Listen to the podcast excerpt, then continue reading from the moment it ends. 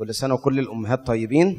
هناخد النهاردة نتكلم عن بعض نماذج من الكتاب المقدس عن سيدات وأمهات كانوا فعلا مثال لل- للأم المثالية. فالنماذج دي عندنا آه، كذا شخصية. فاحنا هنتقسم دلوقتي small groups وكل group هياخد شخصية أو اتنين ويبتدوا يتناقشوا فيها. بعد كده هن regroup في الآخر ونشوف الشخصيات دي اتعلمنا منها إيه. عشان يبقى الموضوع كده إيه آه آه inter interactive كده ما بيننا كلنا.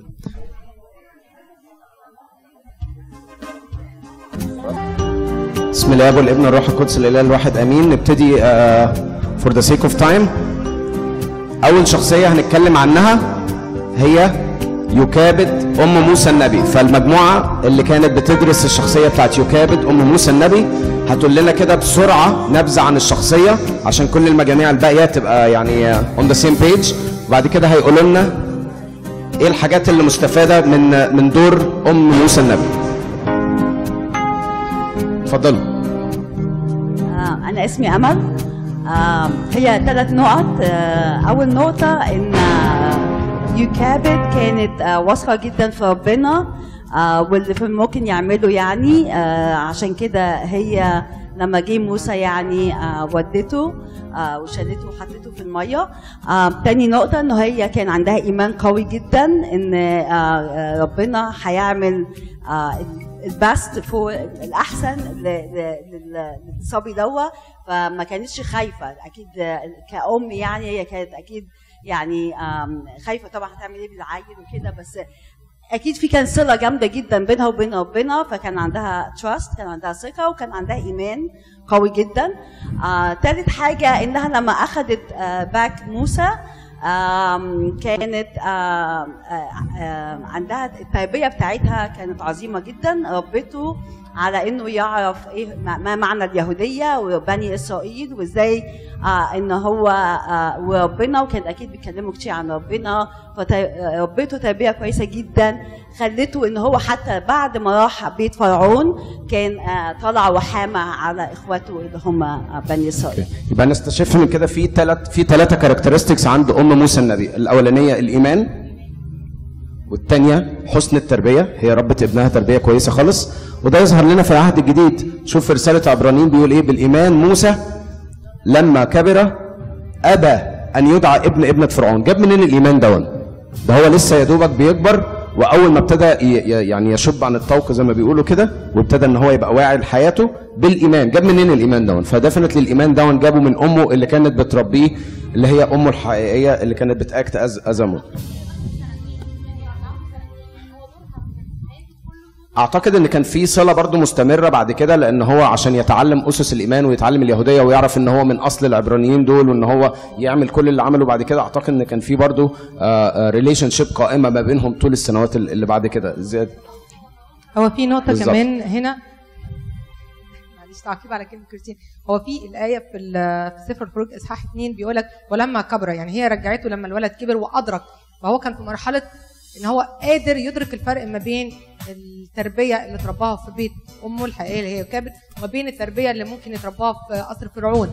ده اللي خليته عارف يفرق ما بين آه، علاقته بالمصريين وعلاقته ببني كده. إسرائيل. حاجة تانية كمان في في يوكابد دي ممكن ما نكونش واخدين بالنا منها. مين فينا بيبقى فرحان كده ابنه لما بيكبر كده ويخش جامعة كويسة ويطلع ويتخرج ويبقى حاجة كده يا ما هنا يا ما هناك؟ نبقى فرحانين وده طبيعي حلو قوي. الست دي بقى مدرسة أخرجت إيه؟ اخرجت اتنين أنبياء وكاهن. خرجت موسى خرجت مريم الاثنين أنبياء وخرجت الثالث مين؟ هارون أول الكهنه طيب الشخصية اللي بعد كده حنة أم صمويل. المجموعه بتاعت حنة أم صمويل. ادونا كده brief عن الشخصية اللي درستوها.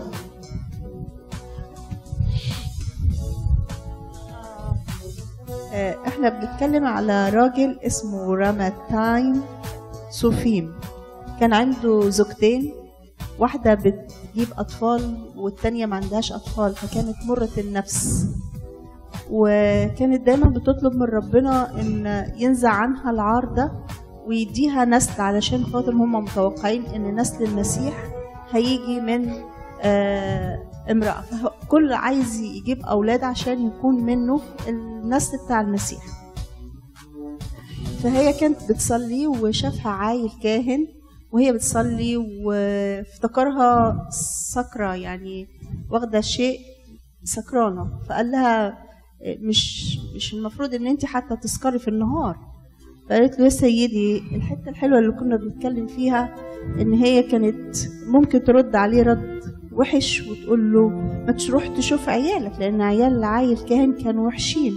لكن هي ردت بانكسار ومرارة قالت له يا سيدي عبدتك مرة النفس آه يا سيدي رد حلو إن هي مكسورة وإن هي بتطلب. فالحاجة الحلوة لما ردت حلو على الشخص ده اللي اتهمها بالسكر رب عين نفسه كلمها حلو قال لها السؤل قلبك اللي انت بتطلبيه آه ربنا يديهولك. فهي الحتة الحلوة اللي كنا بنتكلم فيها إن دايما ردودنا لما بتبقى حلوة آه بتخلي اللي قدامنا يرد حلو. يعني بتفرمل الحاجة الوحشة لكن لو كنا صارمين أو aggressive aggressive لو كنا aggressive هيبقى الرد كان هيبقى وحش. فإحنا المفروض إن إحنا نرد حلو عشان يعود علينا. حلو Okay. في حاجة تانية عايزين تضيفوها؟ اتفضلي منى.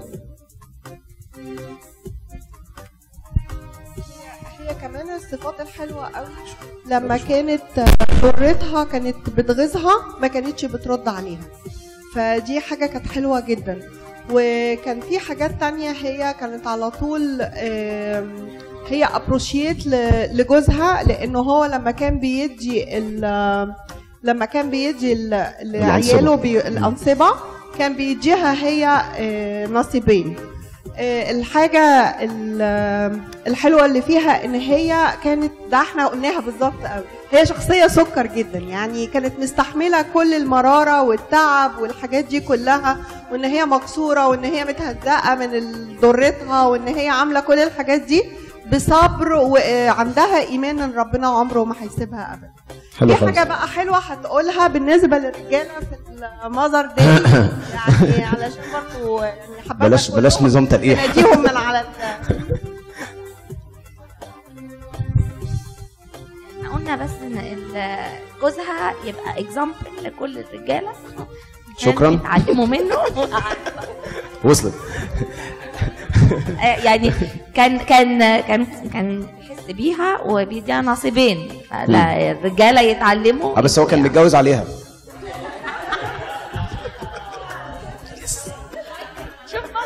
كده يا مايكل ها؟ تاخدوا ال package كلها؟ علشان كان زمان ده الطبيعي لكن دلوقتي حتى الإنجيل بيقول هذه دعابة دي دعابة دي دعابة.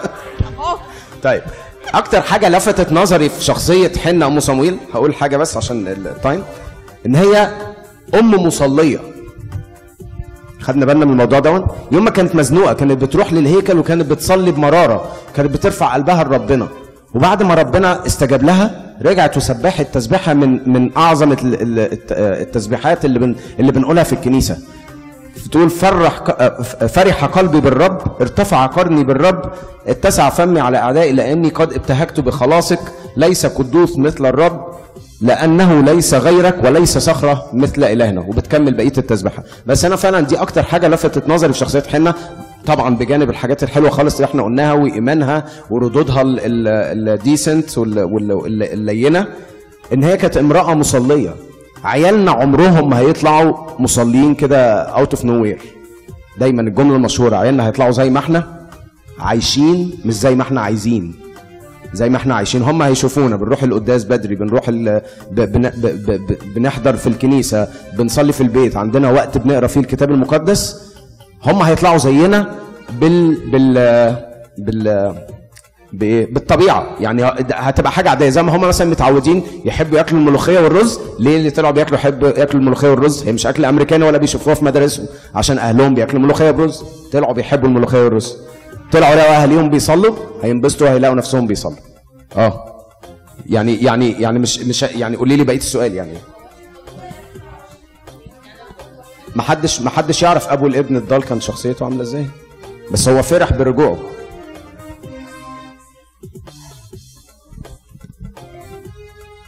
ده حقيقي. وابنه وابنه كان فيه بذرة كويسة فيه. بعد ما راح رجع. لولاش البذرة الكويسة دي عمره ما كان هيرجع.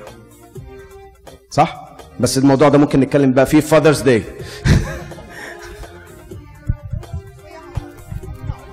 طيب ممكن طب أستأذنك عشان نمر على كل الشخصيات ونرجع؟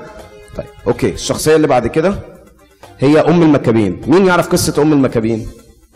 طيب إحنا المجموعة دي بقى عليكم آه، عبء إن أنتوا تفهموا الناس كلها القصة بتاعت أم المكابين ونعرف إزاي نستفاد منها. طيب بما إن المجموعة كلها شاطرة فأنا هوري لكم ال- القصة خلال السؤال وجواب سريع منهم. مين اسم الملك اللي كان آه، حط قرار صعب؟ أنتيوخوس أبيفانيوس الجرثومة الأسيمة. شكرا. طيب الاسم تاني. أوكي. أنتيوخوس أبيفانيوس آه، ده كان بيطلق عليه الجرثومة الأسيمة وده كان أيام المملكة مملكة اليونانيين المملكة اليونانية. طيب بعد كده؟ نقطة واحدة بس سفر المكابيين ده عامة هو من الأسفار القانونية الثانية وموجود في كتابنا المقدس. وهو بيتكلم عن الفترة اللي قبل الميلاد السيد المسيح القرن الأولاني والثاني قبل الميلاد القرن الثاني والأولاني قبل الميلاد وبيحكي فيه عن آه، آه، الأمة اليهودية كان شكلها عامل إزاي واللي هي كانت وصلت لأصعب حالتها وأسوأ حالتها لولاش آه، يهوذا المكابي اللي هو كان عمل ثورة تصحيح وابتدى إن هو يغير في الأمور وبيعتبروه بمثابة آه، يعني آه، آه، إصلاحي بعد داود النبي. يعني ليه مرتبة كبيرة جدا عند اليهود بس أنا قلت أجيب يعني brief overview كده عن إيه ال إيه ال إيه ال ال environment كانت ماشية إزاي. بعدين الملك ده أمر بإيه؟ الملك أمر بأكل لحم الخنازير وكانوا اليهود محرم عليهم في الوقت ده إنهم يأكلوا لحم الخنازير. فابتدت بقى الأم هم كانوا سبع أو أبناء لأم واحدة. ابتدت الأم بقى تشجع أولادها إن هم ما يسمعوش كلام الملك وإنهم يتمسكوا بالإيمان. هي كانت مؤمنة جدا الأم. فطبعا ده أغضب الملك كتير وإزاي إن هم ما يسمعوش كلامه كده فابتدى بقى فإيه مرحلة العذابات بقى.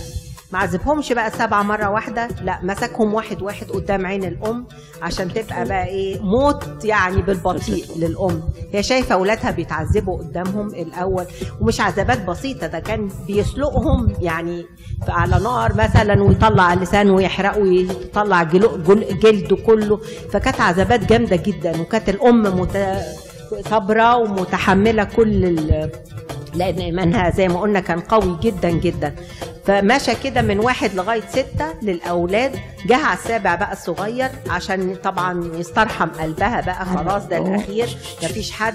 فابتدى بقى يستعطفها وقالت له أوكي خلاص أنا هتكلم معاه يعني و... وأخليه يسمع أمرك وكده. وبعدين مسكت ابنها واديت له الدرس برضو بتاعها الإيمان القوي. قالت له أوعى تسيب إيمانك وأوعى تتزعزع وربنا هو اللي هيحافظ عليك وإحنا لنا الأبدية ومش مهم الكلام ده خالص. وقوت إيمانه فعلا. الولد طبعا الملك أذهل أما لقى الحكاية بالطريقة دي طبعا. الأم وقفت موته موته طبعا قدام عينيها برضو السابع وبعدين موت الأم وخلاص. طيب ده دي دي كده القصة باختصار. شبه قصص كتير بعد كده حصلت في الإيمان المسيحي زي مثلا أم دولاجي أو الأم رفقة أو هكذا فالقصص الحديثة بتاعت الإيمان المسيحي ده ليها مرجع في تاريخ الكتاب المقدس إنه ده ماشيين على نفس المنهج. طب عايزين نعرف بقى منكم شوية صفات للأم دي. تفتكروا هي أم إيه؟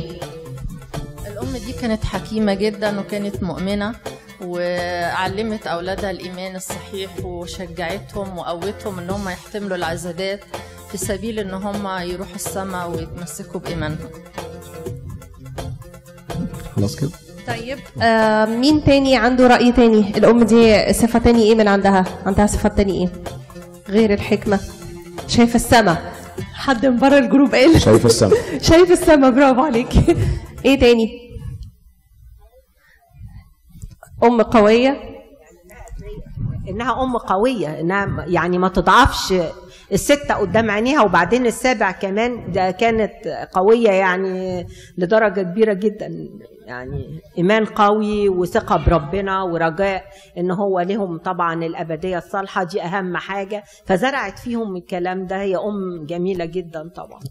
بناء على كده تعالوا نشوف الستيتمنت اللي هي قالتها دي. أنا هسيبها ليكم كده مش هنتكلم عليها. هي كافية يعني للتأمل. تعالوا نقرأ هي بتقول إيه.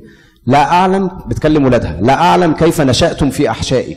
فأنا لم أمنحكم الروح والحياة ولا أنا كونت أعضاء كل جسد أعضاء جسد كل واحد منكم بل الذي فعل ذلك هو خالق العالم فهو الذي جبل الإنسان وأبدع كل شيء وهو لذلك سيعيد إليكم برحمته الروح والحياة لأنكم الآن تضحون بأنفسكم في سبيل شريعته.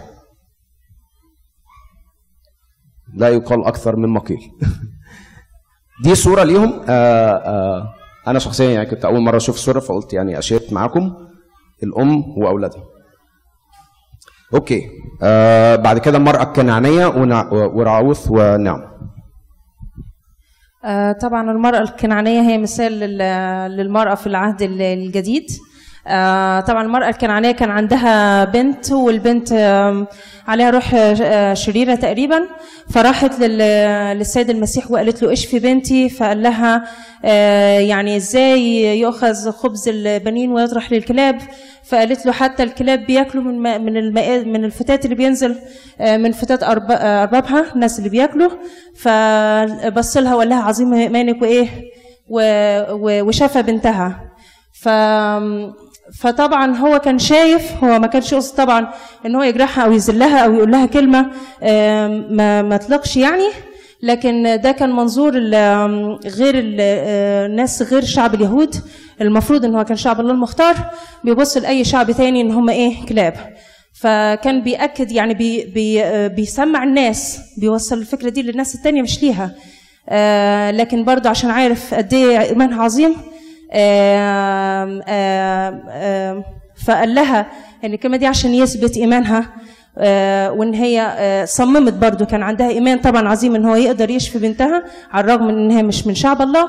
آه، فطوب إيمانها وقال لها أنت إيمانك أعظم من الناس دول اللي مفكرين نفسهم إيه؟ اللي هم ال- الطابي يعني. طبعا بالإضافة للإيمان أنا بس بركز على الصفات اللي ممكن ما تكونش يعني واخدين بالنا منها قوي. أعتقد الست دي كان عندها حكمة غير طبيعية في ردودها. يعني الردود بتاعتها يعني أبعد ما كان الواحد يتخيل ان إن ده يبقى رد طبيعي في الموقف ده فده افتكرت الآية بتاعت حكمة المرأة تبني بيتها والحماقة تهدمه بيديها. قد إيه الرد ممكن يغير الستوري 180 درجة؟ رد بسيط يغير الدنيا كلها. فحكمه المرأة دي فعلا كانت هي مفتاح مع إيمانها طبعا إن هي تنال ما أرادت. آه بالظبط كده. آه دلوقتي نتكلم عن نعمة. طبعا نعمة ورعوث كانوا مثال لل- للمرأة من العهد القديم. آه نعمة كانت آه عندها ابنين. مش فاكرة اسمائهم للأسف. آه حصلت مجاعة فراحوا لبلاد المؤابيين. وولادهم اتجوزوا بنتين رعوث و... و... ومين التانية؟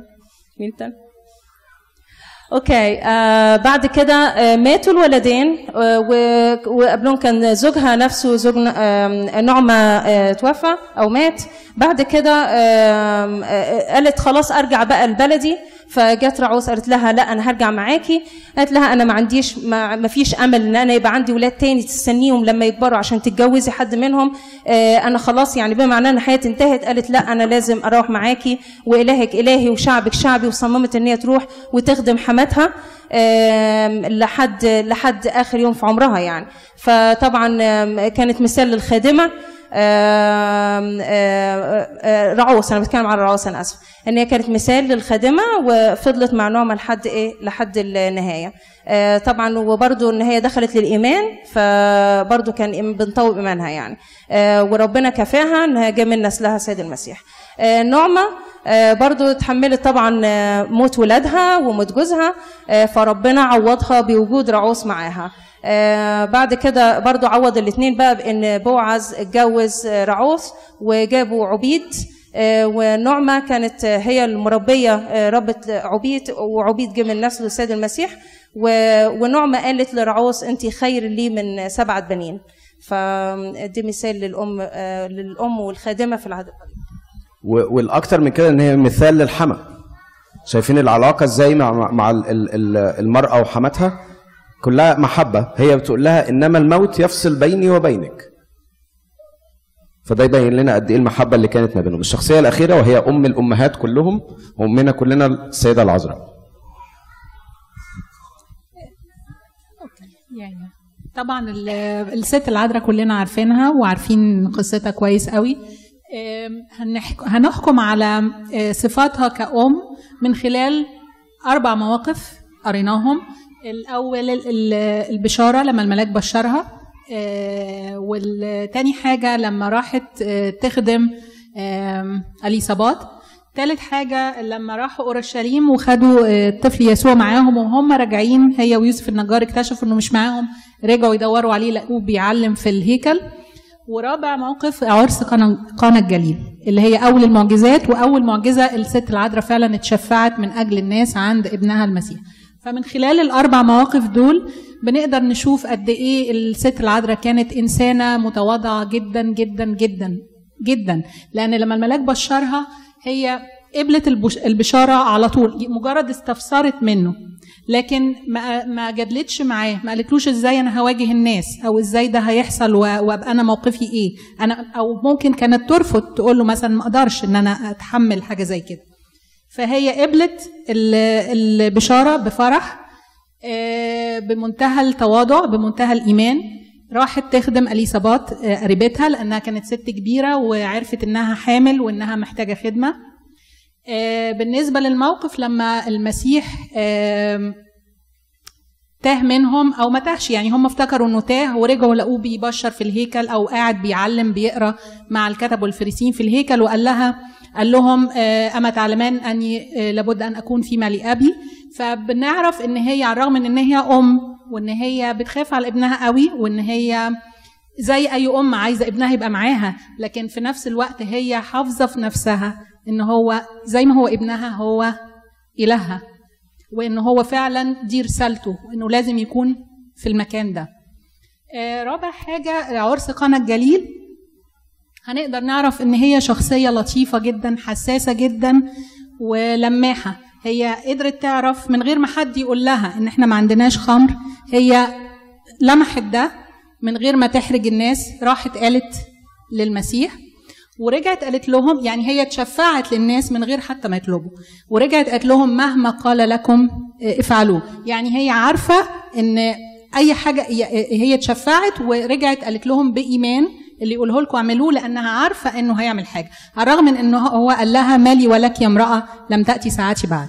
وفي نفس الوقت برضو إن هي لما راحت قالت له قالت له ليس ليس لديهم خمر. ما قالتلوش هي تطلب منه إيه. هي مجرد إنها حطت قدامه المشكلة فده بيعلمنا إن إحنا فعلا هي بتعلمنا إحنا إن لما يبقى في مشكلة بنحطها قدام ربنا بإيمان وبنستنى هو يحلها طبعا.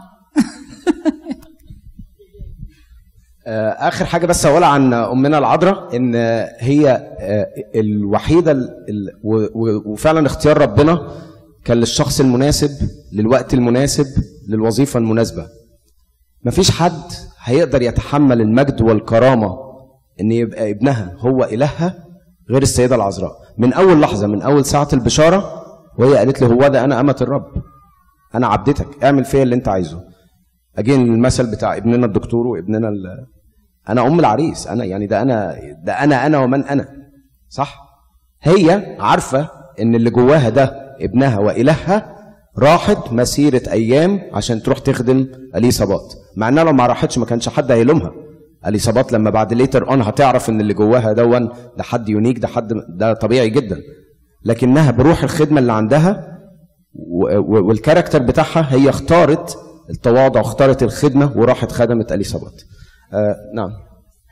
شور هو برضو من كت من من الشخصيات اللي إحنا شفناهم سواء في عهد قديم عهد جديد ده برضو بيدل إن إحنا إنجيلنا إنجيل حي وفعال وإنجيل معاصر ينفع في كل جيل وكل عصر فما ينفعش إن نلغي العهد القديم أو نقول إن دي حاجة قديمة وما تنفعش.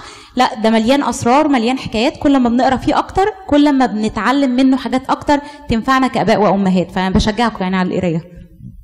وكل سنة وكل الأمهات طيبين و... والعائلات كلها.